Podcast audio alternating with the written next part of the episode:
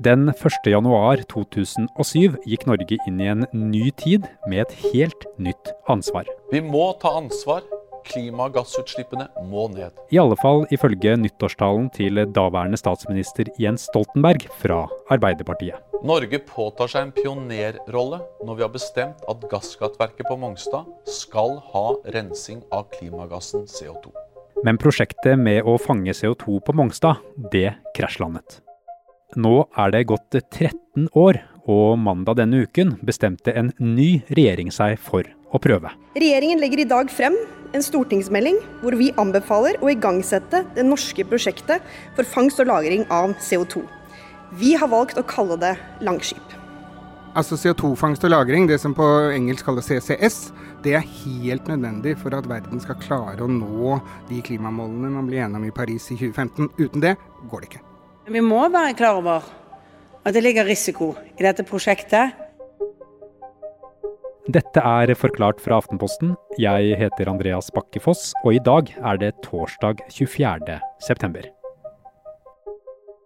CO2 er en gass, og det er livets gass. Uten CO2 intet liv på denne kloden. Ole Mattismoen er klimajournalist her i Aftenposten. Eh, plantene bruker CO2 som byggekloss i fotosyntesen for at de skal kunne vokse. Altså Plantene gir jo også oksygen, og de bruker den CO2-en som er eh, tilgjengelig, og vi puster jo ut CO2 hele tiden. I tillegg til at CO2 må være der for at vi i det hele tatt skal kunne leve, så trenger vi det også for at vi skal kunne leve nettopp her på jordkloden. CO2 er en viktig drivhusgass, en naturlig drivhusgass, som gjør at det er levelig på kloden, og at ikke det er sånn som på månen, hvor det er minus 16 grader i snitt. Her er det en annen temperatur. Det som nå er problemet, det er at det blir stadig mer CO2 i atmosfæren. Og atmosfæren begynner jo, bare så vi har det helt klart for oss, 1 cm eller en millimeter over bakken. Og går mange hundre meter opp. I dette laget så begynner det å bli mer og mer CO2, fordi at vi brenner olje, kull og gass. Da øker drivhuseffekten, da blir det global oppvarming. Hva betyr det da at man vil fange og lagre denne CO2-en som man frykter det kan bli for mye av? Det er et resultat, nærmest som en erkjennelse av at vi klarer ikke å kutte utslippene fort nok. Vi klarer ikke å omstille energiproduksjonen vår i verden fort nok til at vi kan begrense global oppvarming til to grader. Det klarer vi ikke bare med å liksom stenge fabrikker og kjøre elbiler og sånne ting. Det er ikke nok. Vi må også fjerne CO2 som vi slipper ut.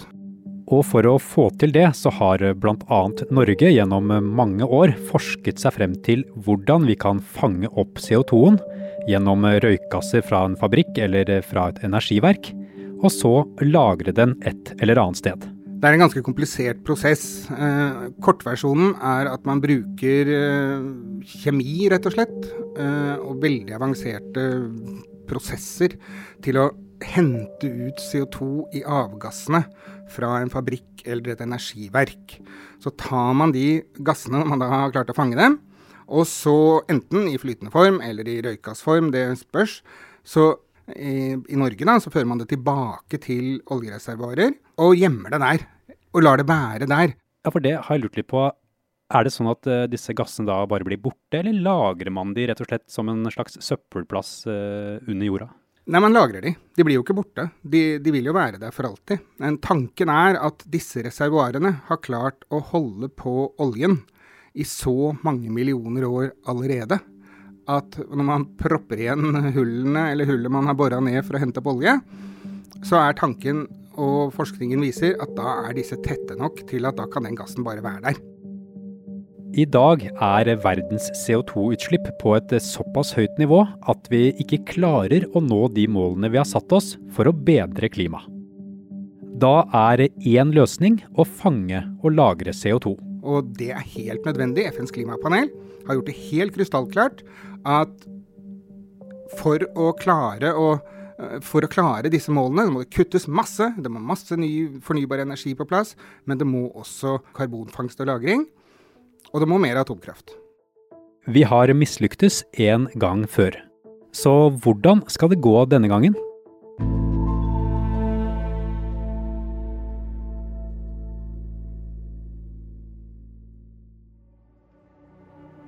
Vikingenes langskip var den ypperste av sin tids skipsteknologi og et resultat av innovasjon og hardt arbeid. Vårt langskip er også resultat av ny teknologi og hardt arbeid av industri og myndigheter. Dette er det største klimaprosjektet i norsk industri noensinne. Med brask og bram og med store ord så la regjeringen denne uken fram sin store satsing på hvordan Norge skal fange, transportere og lagre CO2. Prosjektet det har fått navnet Langskip. Og nå skal fangsten av CO2 realiseres ved Norcems sementfabrikk i Breivik. Men det er langt fra første gangen norske politikere bruker store ord og mye penger på å forsøke å fange CO2. For regjeringens satsing denne uken kommer etter 13 år med politisk ørkenvandring, dragkamp, utredninger, utsettelser og feilslåtte planer. Hva var det som skjedde? For å skjønne det, så må vi tilbake til 2007. Er du klar for å dykke inn i episenteret av norsk klimapolitikk? Til og med vært og hentet fysisk stortingsmeldingen. Og derfor kommer nå politisk redaktør her i Aftenposten, Kjetil B. Alstaheim. Det begynte med en uh, konflikt i den rød-grønne regjeringen om hvorvidt uh, det skulle gis tillatelse til bygging av et gasskraftverk på Mongstad. Og en del av kompromissløsningen mellom da Arbeiderpartiet og SV særlig, Senterpartiet var også en del av den regjeringen, var at skulle, man skulle bygge denne uh, fullskala CO2-fangst og -lagringen på Mongstad. Så det var, det var det Stoltenberg da kalte vår månelanding. Da president Kennedy sa at amerikanerne skulle lande på månen innen ti år, hadde ikke amerikanerne vært ute i verdensrommet. De kom til månen innen ti år. De satte seg mål, og de nådde målene. Vår visjon er at vi innen syv år skal få på plass den teknologien som gjør det mulig å rense utslipp av klimagasser. Det blir et viktig gjennombrudd for å få ned utslippene i Norge. Og når vi lykkes, tror jeg verden vil følge etter. Dette er et stort prosjekt for landet. Det er vår månelanding. Kjetil, i 2013 så krasjlandet hele denne månelandingen. Hvorfor endte det i vrakrester? Det som hadde skjedd, var at uh, kostnadene var blitt uh, høyere. Man var usikre på hvor dyrt dette ville bli, og man var usikre på hvilken effekt man ville få ut av uh, å fullføre prosjektet. Det man hadde fått på plass, var dette testsenteret på Mongstad. Sånn at uh, Hvis man spør Jens Stoltenberg om, uh, om måneturen hans var mislykket, så vil han si at uh, nei, det viktigste var testsenteret. og Så var det ikke sånn det hørtes ut da han snakket om månelanding første gang, men det, det er der fremdeles og, og, brukes for å teste ulike teknologier for CO2-fangst. Da statsminister Erna Solbergs første regjering tok over i 2013, så begynte planleggingen av CO2-fangst på nytt. Og mandag så kom altså prosjektet Langskip. Og jeg tror jo at norsk næringsliv står sterkt rustet til å gripe muligheten dette bringer med seg. Men det kom også et men fra Erna Solberg. Men vi må være klar over at det ligger risiko i dette prosjektet, i form av risiko for at det ikke kommer til å gi de store følgevirkningene andre steder. Kjetil, hvorfor skal vi tro at dette prosjektet skal lykkes denne gangen? Det er jo gått noen år, sånn at uh, man har kommet lenger med testing av teknologier. Bl.a. på dette testsenteret på, på Mongstad.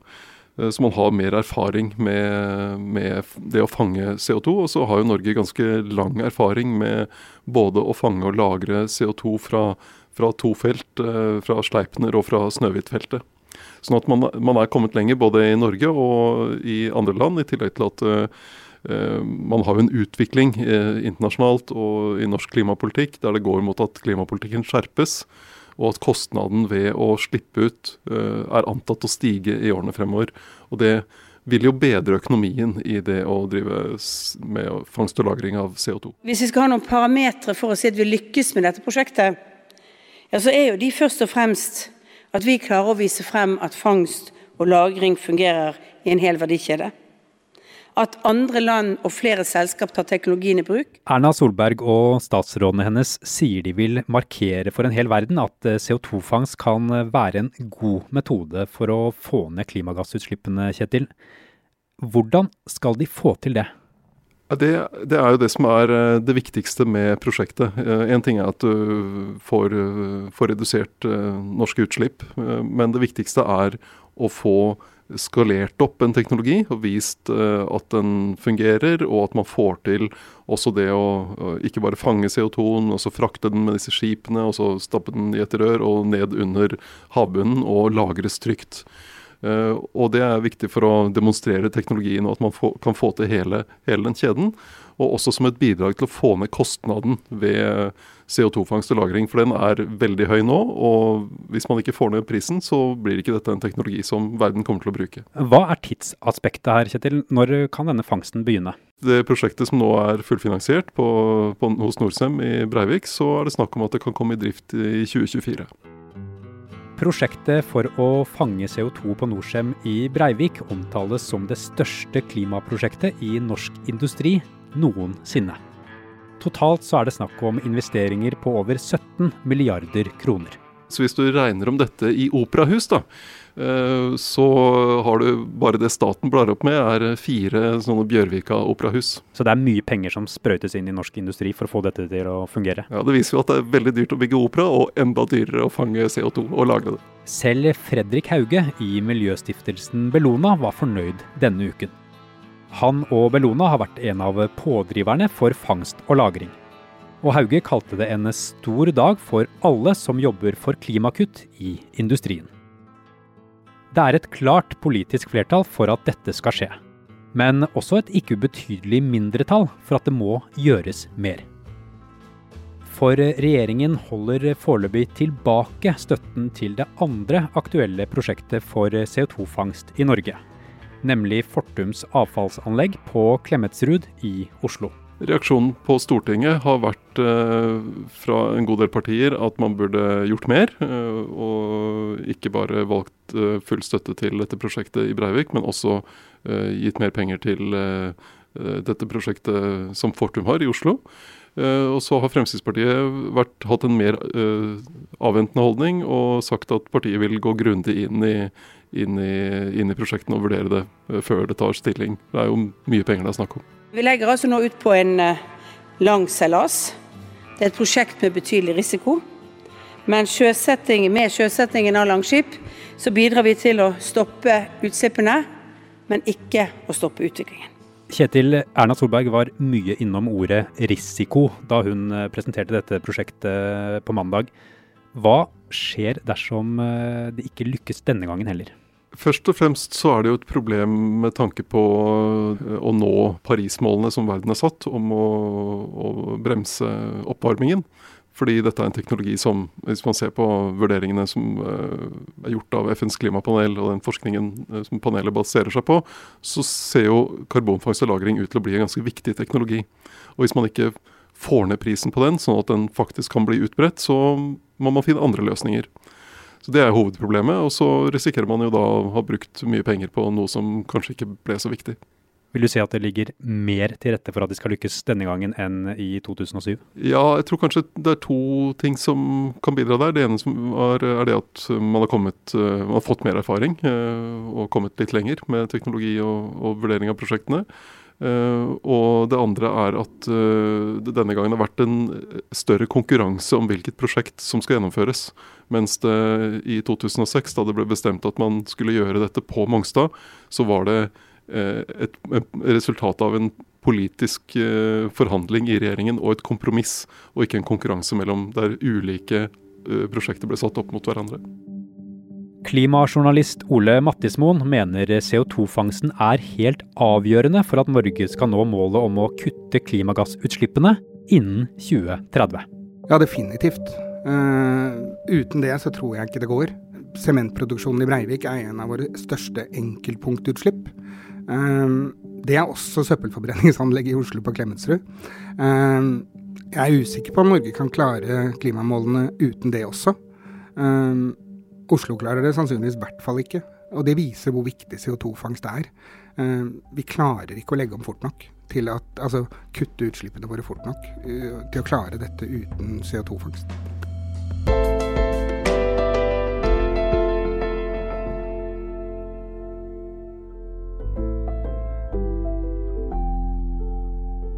Forklart lages av Caroline Fossland, Anne Lindholm, Fride Næss Nonstad, Marit Eriksdatter Gjelland og meg, Andreas Bakke Foss. I denne episoden har du hørt lyd fra regjeringens nett-TV og NRK.